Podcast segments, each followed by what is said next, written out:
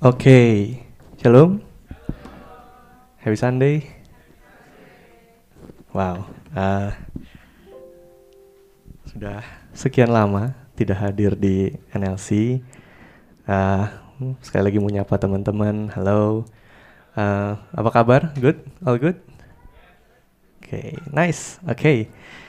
um, tema bulanan kita hari ini di NLC selama sebulan. Uh, aku yakin kalian seperti yang ada di PPT, kalian lagi ngebahas tentang Made for More.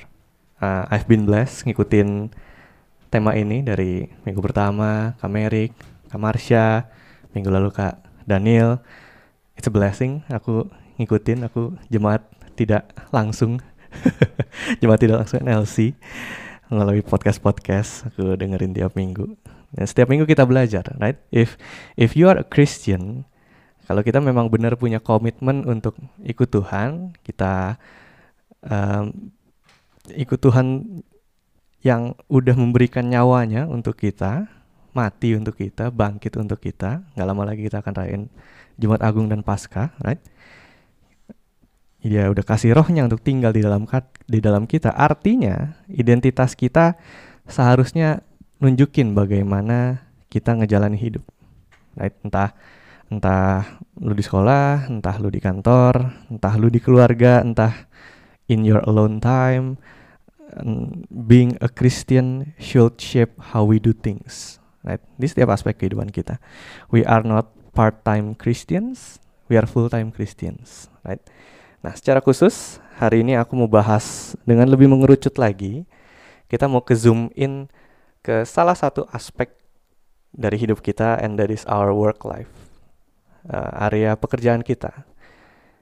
Kalau setiap minggunya dari minggu lalu kita belajar uh, in general, right? Uh, bagaimana kita bisa mengintegrasikan setiap aspek kehidupan kita, like um, kalau kekristenan itu sebuah box, satu box yang besar dan setiap aspek kita, hidup kita itu ada di dalamnya. Tapi hari ini kita mau mengerucut lebih lagi untuk ngebahas our work life, area pekerjaan kita. I believe kayaknya setiap dari kita umur-umurnya udah pada kerja ya. Ada yang lagi kuliah, ada yang mungkin masih menempuh pendidikan, tapi kayaknya sebagian besar udah pada kerja gitu kan. And, and did you know kalau misalnya ada sedikit chart, ya, oh nggak gitu kelihatan, tapi percaya aja kalau gitu.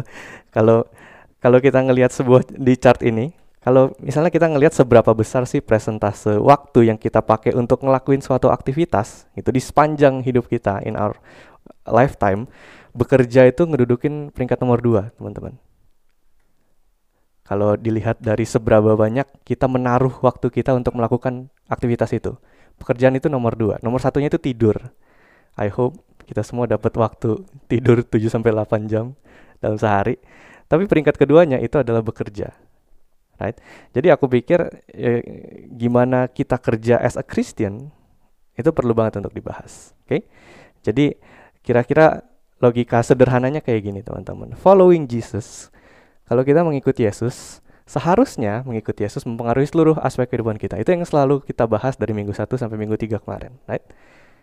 Following Jesus harusnya mempengaruhi setiap area kehidupan kita. Nah, sebagian besar dari hidup kita kita habiskan untuk bekerja, right? So, conclusionnya, kesimpulannya, udah sewajarnya jadi pengikut Yesus, jadi pengikutnya Kristus harus mempengaruhi gimana kita bekerja. Oke. Okay? So, agenda kita hari ini uh, simple. Hari ini kita mau belajar, oke, okay, kalau gitu uh, pandangan Alkitab tentang bekerja apa sih? What's our Bible view about our work? Tentang pekerjaan. Dan yang kedua, how should we as a Christian do our work? Oke, okay? jadi dua dua poin sederhana hari ini. Apa perspektif Alkitab tentang bekerja? Dan how should we do work? as a Christian. Oke. Okay? Dan by the way, tenang aja, meskipun hari ini kita bahasnya cuma salah satu aspek our work life, tapi nanti kita bisa juga bisa, bisa lihat kok gimana value yang ada di sini juga bisa kita apply ke setiap aspek kehidupan kita lainnya. Oke? Okay? So, pertama, pandangan Alkitab tentang bekerja. What's our Bible view on work? Dalam Alkitab kita, siapa karakter pertama siapa tokoh pertama, figur pertama di dalam Alkitab yang bekerja. Interestingly bukan manusia, bukan Nuh yang ngebuat kapal, bukan juga Adam yang merawat segala hal yang ada di bumi. Figur pertama, tokoh pertama di dalam Alkitab kita yang bekerja adalah Tuhan sendiri. Allah sendiri. Allah bekerja, dia mencipta. Di kejadian satu dan kejadian dua teman-teman bisa lihat. Dikatakan gini, pada mulanya Allah mencipta. Right? Lalu waktu kita masuk ke kejadian dua, dibilang ketika Allah pada hari ketujuh yang ya, telah menyelesaikan pekerjaan yang dibuatnya itu katanya berhentilah ia pada hari ketujuh dari segala pekerjaan yang telah dibuatnya itu jadi kata pertama work bekerja di dalam Alkitab kita yang subjek pertama yang menggunakan kata kerja itu bukan manusia tapi Allah sendiri Tuhan sendiri Allah bekerja, Allah mencipta, merajut ciptaan, right? Dari yang tadinya kacau, tidak berbentuk menjadi indah. Allah kita bekerja, teman-teman. Tuhan kita bekerja. Dan perhatiin deh, Tuhan itu bekerja bukan tanpa tujuan. Kalau kita reread again Genesis, kejadian, Allah itu bekerja bukan tanpa tujuan. Tuhan kita bekerja itu untuk benefit, untuk keuntungan dan keperluan ciptaannya. Buat kita. Allah itu bekerja buat bukan karena hmm kayaknya hari ini random seru juga kalau gue nyiptain bumi. Enggak kayak gitu. Tapi ada maksudnya. Dan maksudnya adalah untuk benefit dan keperluan kita ciptaan buat manusia. Ya lihat aja gitu kan. Waktu Tuhan itu pisahin antara gelap dan terang jadi siang dan malam jadi pagi dan petang yang ngerasain keuntungan dari pembagian waktu itu siapa ya manusia toh kita kita juga waktu Allah itu bikin daratan dan dari daratan dari tanah itu tumbuh tunas-tunas muda, tumbuh tumbuh-tumbuhan yang berbiji, yang kaya akan buah, yang segar gitu buat dinikmati. Siapa yang nikmatin? Ya kita juga, ciptaan juga gitu kan. Tuhan itu bekerja bukan untuk iseng, tapi ada tujuannya, ada maksudnya. Dan tujuannya apa? To be a benefit buat manusia, supaya manusia bisa menikmatin hidup yang Tuhan udah anugerahin buat mereka. Pekerjaan Allah itu membawakan benefit buat ciptaan, buat orang lain. So, bisa kita bilang juga kalau at least dari kejadian aja gitu ya, work has an other other centered vision. Bekerja itu punya visi yang berpusatkan pada orang lain justru dan bekerja punya visi untuk melayani sesama kita dan menjadi berkat buat orang lain, buat orang di kiri kanan teman-teman. Itu bekerja. Kalau gitu, seharusnya kita pun juga manusia demikian. Karena sejak awal pun kita diciptain untuk ngapain teman-teman? Ya untuk kerja juga. Meneladani apa yang Tuhan sudah lakukan terlebih dahulu. Tuhan uh, ciptain kita right sebagai kawan sekerjanya untuk ngapain? Untuk ngelola untuk memelihara bumi ini right? Allah percayain pekerjaan ini ke manusia supaya hasil bumi yang kita udah kelola akhirnya bisa bermanfaat buat manusia-manusia lain yang datang setelah kita ideally sebelum manusia jatuh ke dalam dosa right? Idealnya dari hasil pekerjaan kita hasil tanah yang kita sudah kelola, yang Tuhan sudah percayakan, manusia telah kerjakan, harusnya bisa bermanfaat buat manusia-manusia lain setelahnya. That's the ideal uh, thing to do sebenarnya. Jadi kalau bisa dibilang bekerja itu ya sebuah panggilan yang mulia sebenarnya. Bekerja itu panggilan yang mulia. Bekerja itu semestinya nggak mesti menjadi sebuah beban, teman-teman. Kita tuh kadang hari ini kan hari Minggu ya. Besok hari apa teman-teman? Hari Senin. Udah masuk kerja lagi gitu. Sampai ada ada orang yang bikin istilah uh, blues blues Monday gitu ya. Atau hari Minggu itu feel depressed karena tahu besok itu hari Senin. Udah harus masuk kerja lagi gitu kan. Tapi sebenarnya at least dari apa kata Alkitab kita pekerjaan itu semestinya nggak mesti jadi sebuah beban teman-teman. Bekerja sebenarnya adalah sesuatu yang baik kok. Pekerjaan adalah sesuatu yang mulia. Apa pun yang kalian lakukan di dalam pekerjaan kalian itu baik. Dan sedikit mengoreksi miskonsepsi juga ya kadang-kadang soalnya pekerjaan yang mulia dan pekerjaan yang baik itu selalu berkaitan dengan apa yang terjadi di sini misalnya di ladangnya Tuhan katanya kerja di gereja jadi pembicara khotbah gitu kan bawain firman Tuhan padahal enggak juga semua pekerjaan itu baik dan mulia teman-teman. Jadi jadi pendeta yang tiap minggu ngedidik dan ngajar jemaat gitu kan nggak lebih mulia kok dari seorang guru yang ngajar anak-anak supaya punya masa depan lebih cerah right? Jadi gembala jemaat yang ngerawat jemaat-jemaat gitu kan. Ada Kak Merik di sini yang mungkin merawat kalian. Nggak lebih mulia kok dari seorang ibu rumah tangga yang ngerawat anaknya untuk jadi pribadi yang makin lebih baik jadi uh, kalau Anda melayani di gereja, nggak lebih suci kok dari teman-teman kita yang melayani di rumah sakit, yang merawat orang-orang supaya kesehatannya bisa pulih. Right. Kalau kita jaga counter HP pun, kita layanin pelanggan kita dengan baik, dengan sopan, dengan ramah, itu sama kok. Derajat kebaikannya, derajat kemuliaannya. Sama ketika kita melayani Tuhan di gereja. Karena melayani Tuhan dengan baik artinya kita melayani sesama dengan baik. Right? Semua pekerjaan itu baik dan mulia, teman-teman. Ketika hasil dari pekerjaan kita kita persembahkan untuk kemuliaan Tuhan dan kita bisa jadi berkat buat orang lain melalui pekerjaan kita. Right? Makanya uh, aku suka banget gambarnya ada palu, ada uh, medik, ada sekop, apa pun itulah. Anything you do in your work life.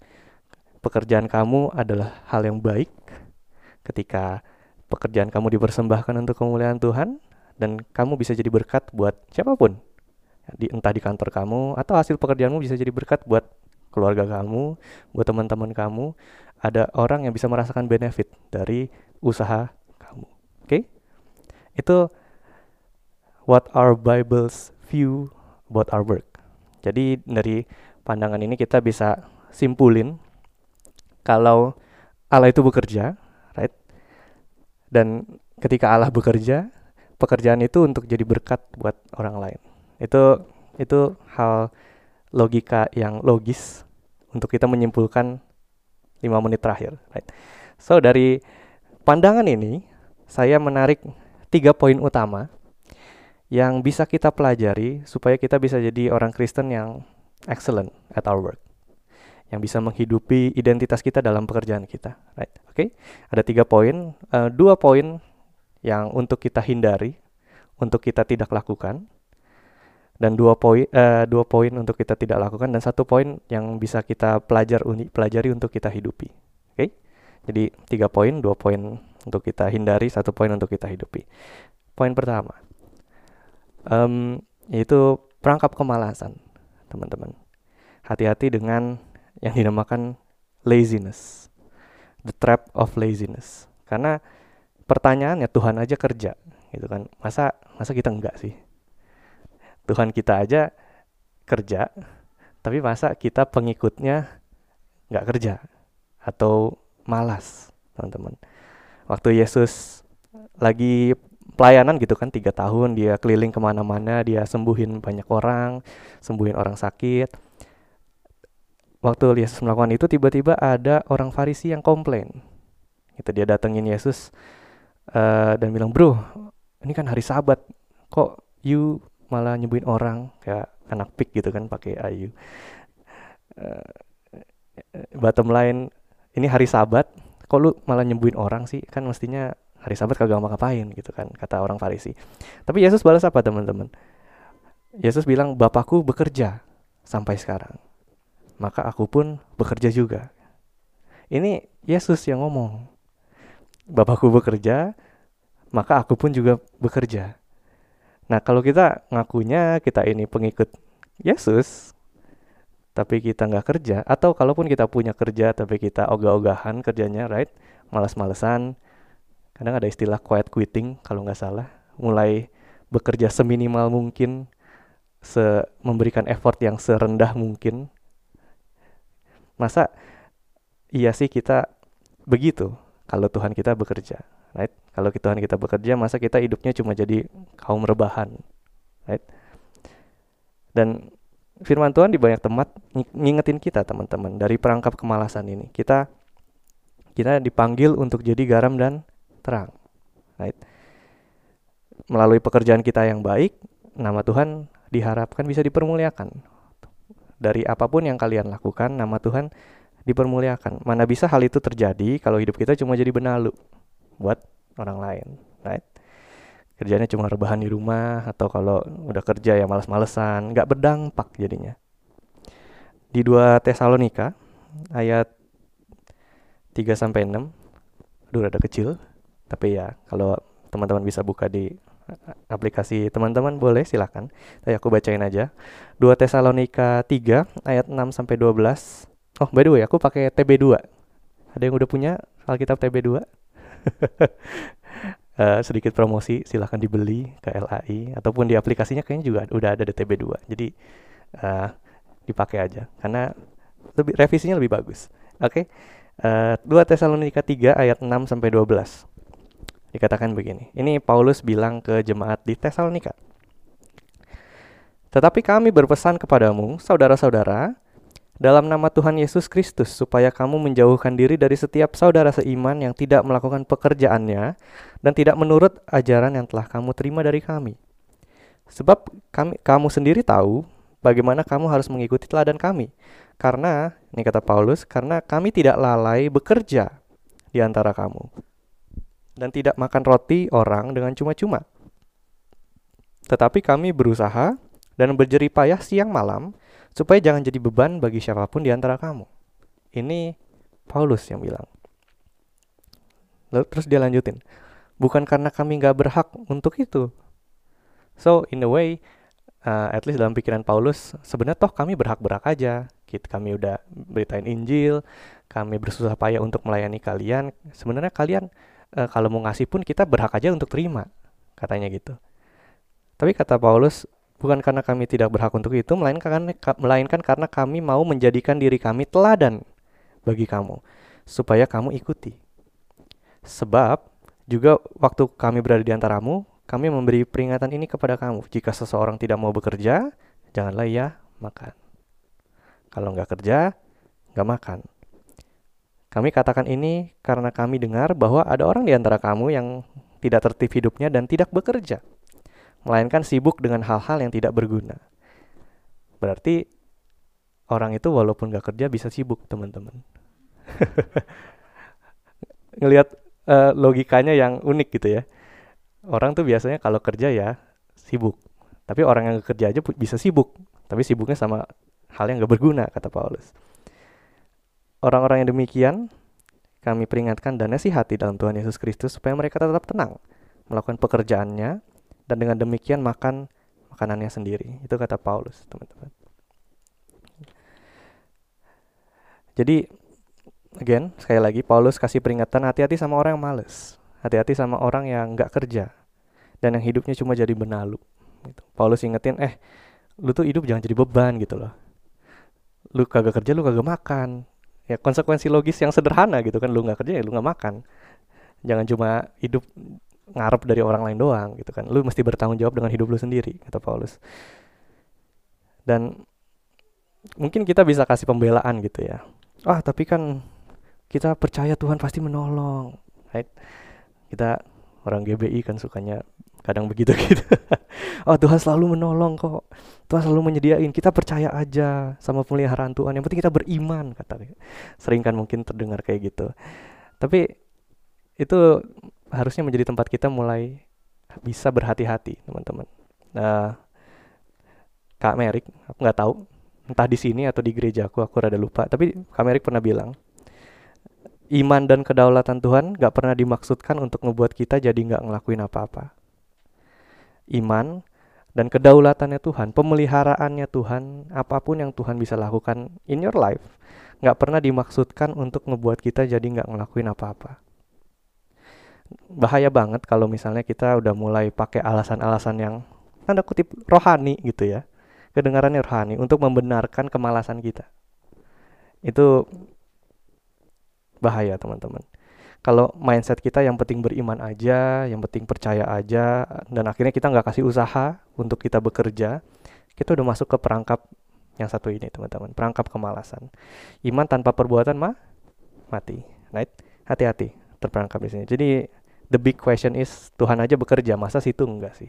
Right? Itu yang pertama. Dan yang kedua perangkap kedua kalau tadi ekstrim yang satu perangkap kemalasan kita nggak ngelakuin apa-apa. Ataupun kalau bekerja kita ngelakuinnya dengan malas-malasan. Masuk ke perangkap kedua yaitu perangkap keserakahan greed. Perangkap kedua uh, ini berbicara tentang ekstrim yang satunya lagi. Perangkap ini adalah ketika kita bekerja begitu keras kita mengeluarkan usaha begitu ekstra untuk pekerjaan kita tetapi didasari oleh motivasi yang serakah by greed yang terpenting adalah cuan. Right? Yang terpenting adalah saya. Saya bisa hidup, saya bisa beli barang ini, saya bisa beli barang itu. Yang penting saya bisa keuntungan maksimal. Ini hasil usaha gua, hasil kerja keras gua, ini uang gua, nggak ada yang bisa sentuh kecuali gua. Right? Perangkap ini kelihatannya bagus di awalnya karena seseorang tuh bisa kelihatan punya daya juang yang tinggi, usahanya keras untuk bekerja. Tapi sayangnya ketika ya dia terima uang dari hasil jeripaya dia dia sama sekali nggak jadi berkat buat orang lain. Karena merasa ya ini porsi gua ini hasil kerja usaha gua ya ini buat gua only. Nggak bisa orang lain nikmatin. Yang nikmatin yang mestinya nikmatin hasil kerja keras gua ya gua. Gitu kan? Dan ini bisa jadi perangkap yang sangat berbahaya teman-teman. Makanya penting banget untuk kita bisa belajar berkata cukup right? Kayaknya beberapa bulan yang lalu pernah dibahas juga the uh, contentment, right? Ketika kita bisa merasa cukup, itu hal yang akan membawa kita untuk bisa menjadi pribadi yang nggak greedy, right? Keserakahan dan keegoisan, kalau misalnya kita nggak bisa ngomong cukup, keserakahan dan keegoisan itu bisa tumbuh subur di dalam diri kita. Makanya Pekotbah 5 ayat 9. Ini aku pakai BIMK. Dibilang begini, orang yang mata duitan tidak pernah cukup uangnya. Orang yang gila harta tidak pernah puas dengan laba. Right? Jadi bukan yang nggak punya uang atau nggak atau hasil kerja kerasnya sedikit enggak kok. Dia bekerja keras, dia menghasilkan uang, tapi orang yang nggak bisa berkata cukup nggak akan pernah puas dengan apa yang dia miliki. Makanya Paulus juga pernah bilang gini ke Timotius. Ini di 1 Timotius 6 ayat 6 sampai 10. Pakai TB2 lagi. Oke. Okay? Uh, Paulus bilang gini, memang kesalehan atau kalau teman-teman lebih familiar terjemahan yang lebih lamanya itu ibadah itu kalau disertai rasa cukup memberi keuntungan besar. Sebab kita tidak membawa apa pun ke dalam dunia. Dan waktu kita mati pun ya kita nggak bawa apa-apa keluar. Right? Asal ada makanan dan pakaian ya cukup lah. Namun mereka yang ingin kaya terjatuh ke dalam pencobaan, ke dalam jerat, dan ke dalam berbagai nafsu yang hampa dan mencelakakan, yang menenggelamkan manusia ke dalam keruntuhan dan kebinasaan. Sebab akar segala kejahatan ialah cinta uang. Bukan uang, tapi cinta uang. Karena memburu uanglah beberapa orang telah menyimpang dari iman dan menyiksa dirinya dengan berbagai duka.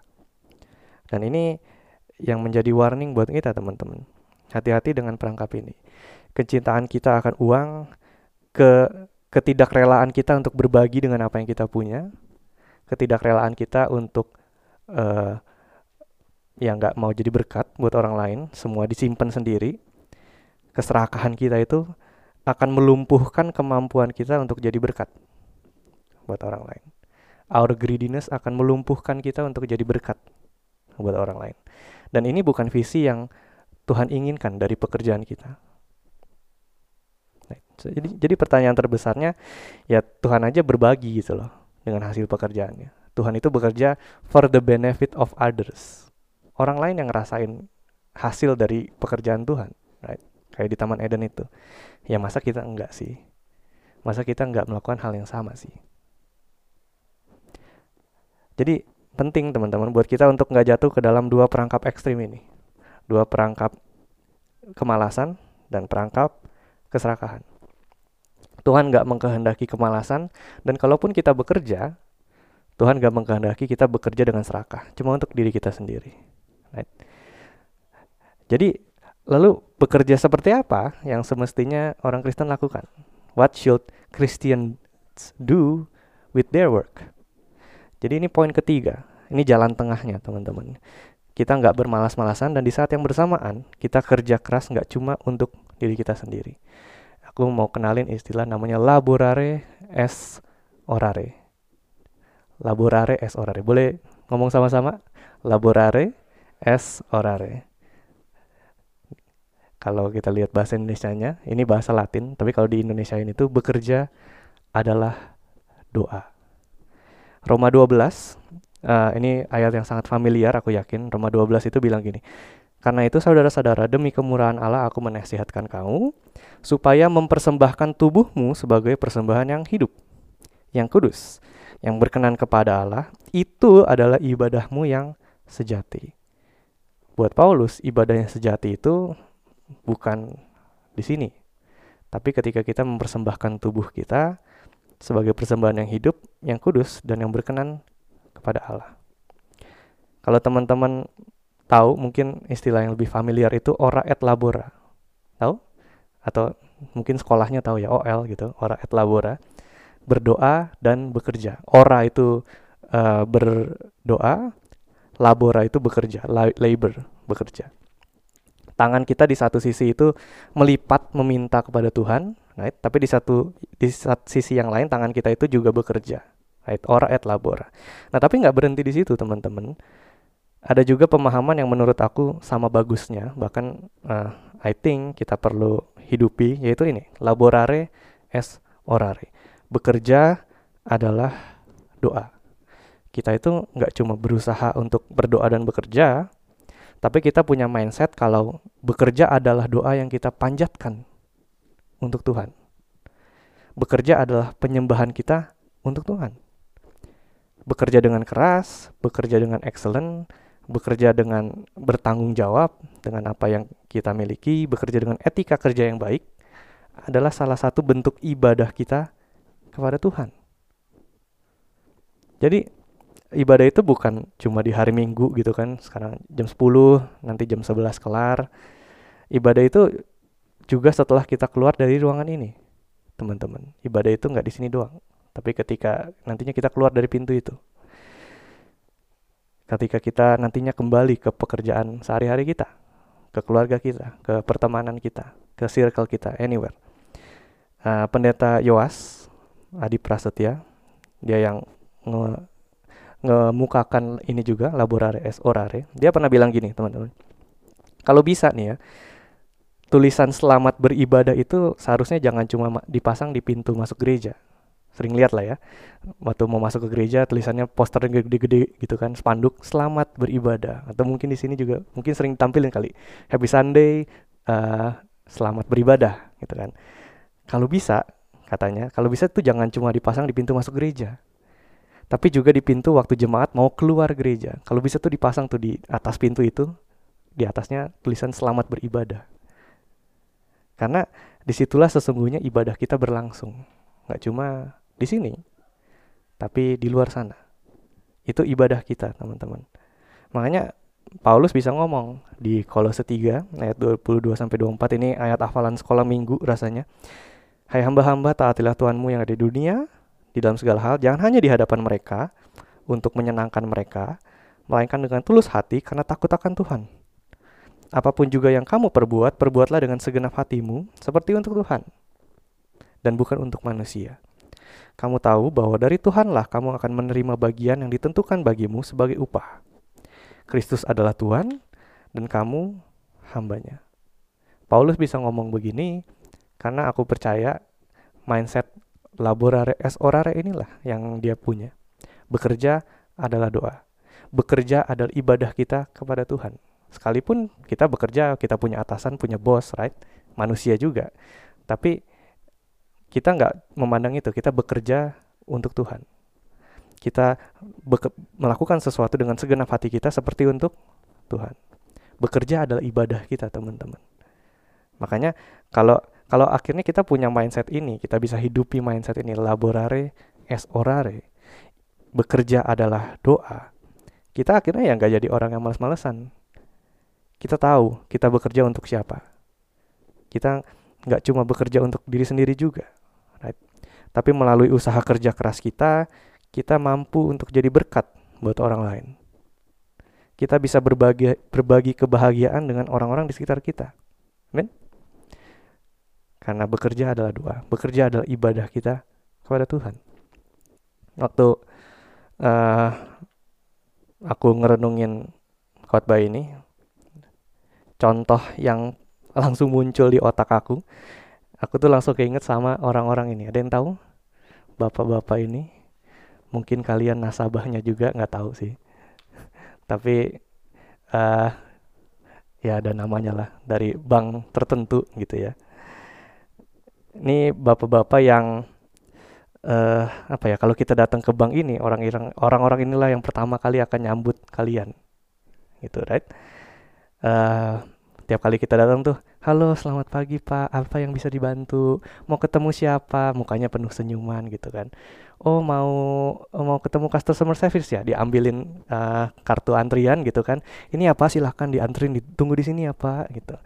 Rasanya tuh apa pun yang mereka lakukan rasanya tuh dilakukan dengan passion gitu kan dengan senyuman yang ramah dengan segenap hati bener-bener kayak pengen ngebantuin kita gitu loh. Pelayanannya bener-bener top. Dan bahkan sampai ada ya pernah juga kejadian ada bapak-bapak udah tua gitu kan akhirnya entah kenapa sakit entah kenapa uh, tumbang ya akhirnya digendong juga sama orang ini.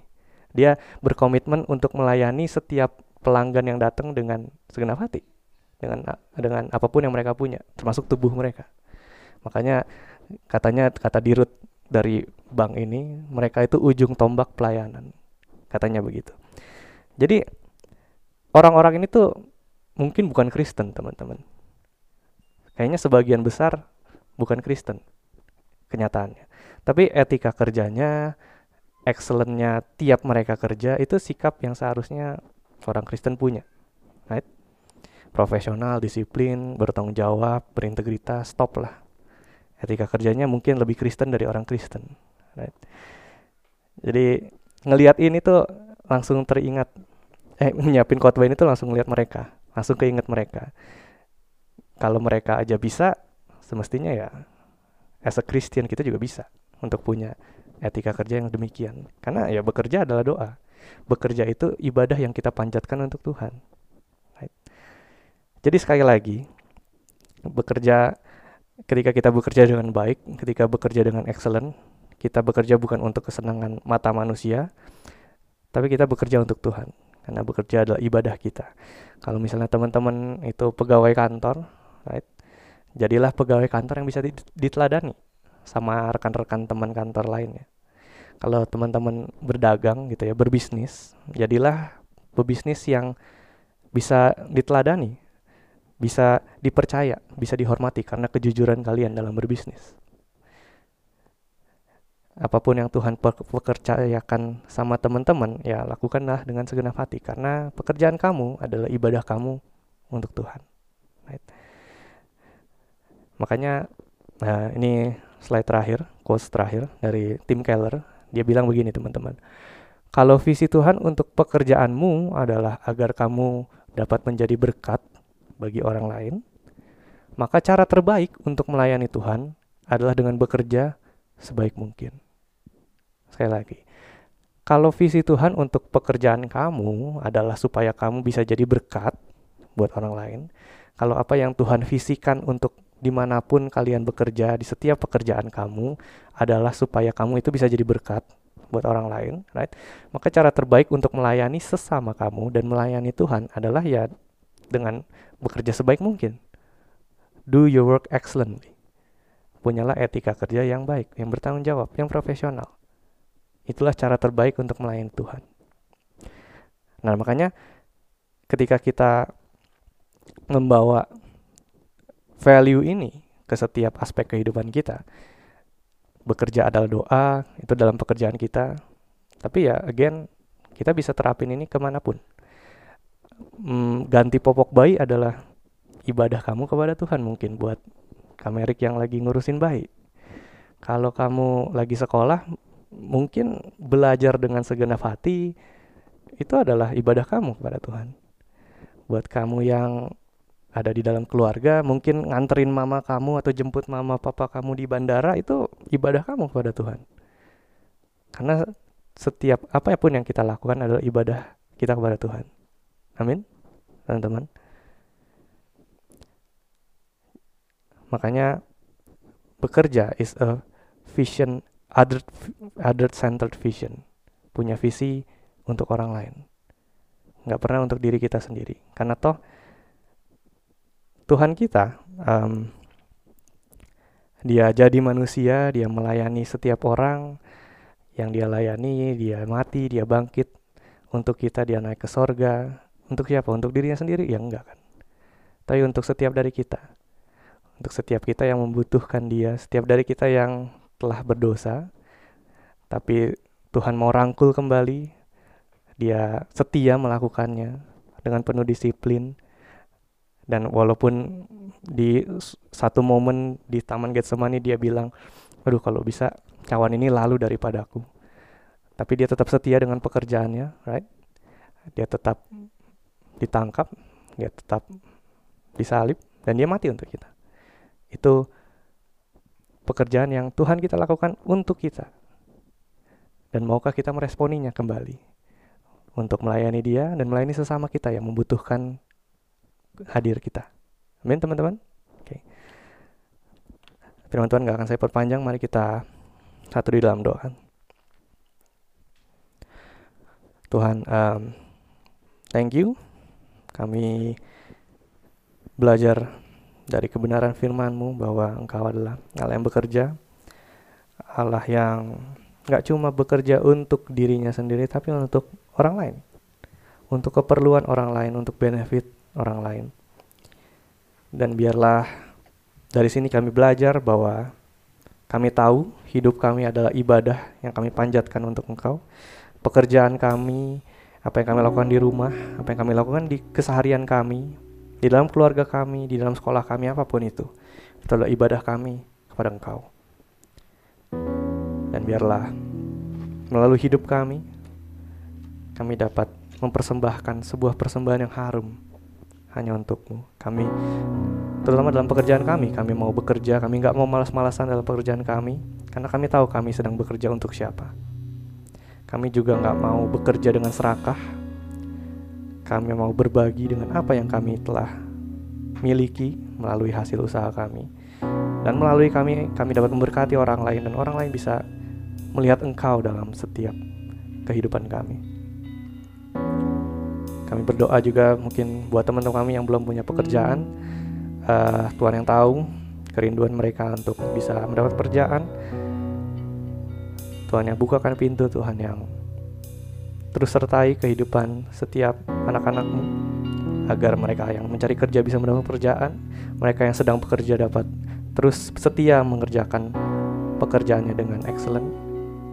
Dan biarlah melalui hidup kami namamu dipermuliakan dan orang-orang di sekitar kami dapat mengenal Engkau melalui hidup kami. Kasih Tuhan. Dalam namamu kami berdoa dan mengucap syukur. Amin.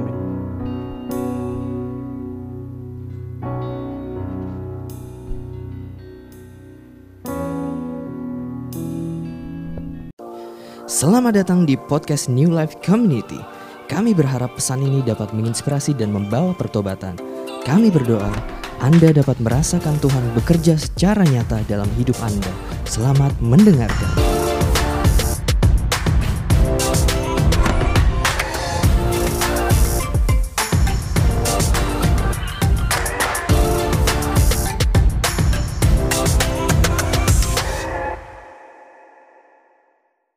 Terima kasih sudah mendengarkan podcast ini. Kami berdoa Anda diberkati melalui pesan yang telah disampaikan. Mari sapa kami melalui Instagram at dan bagikan pesan ini supaya lebih banyak orang yang diberkati.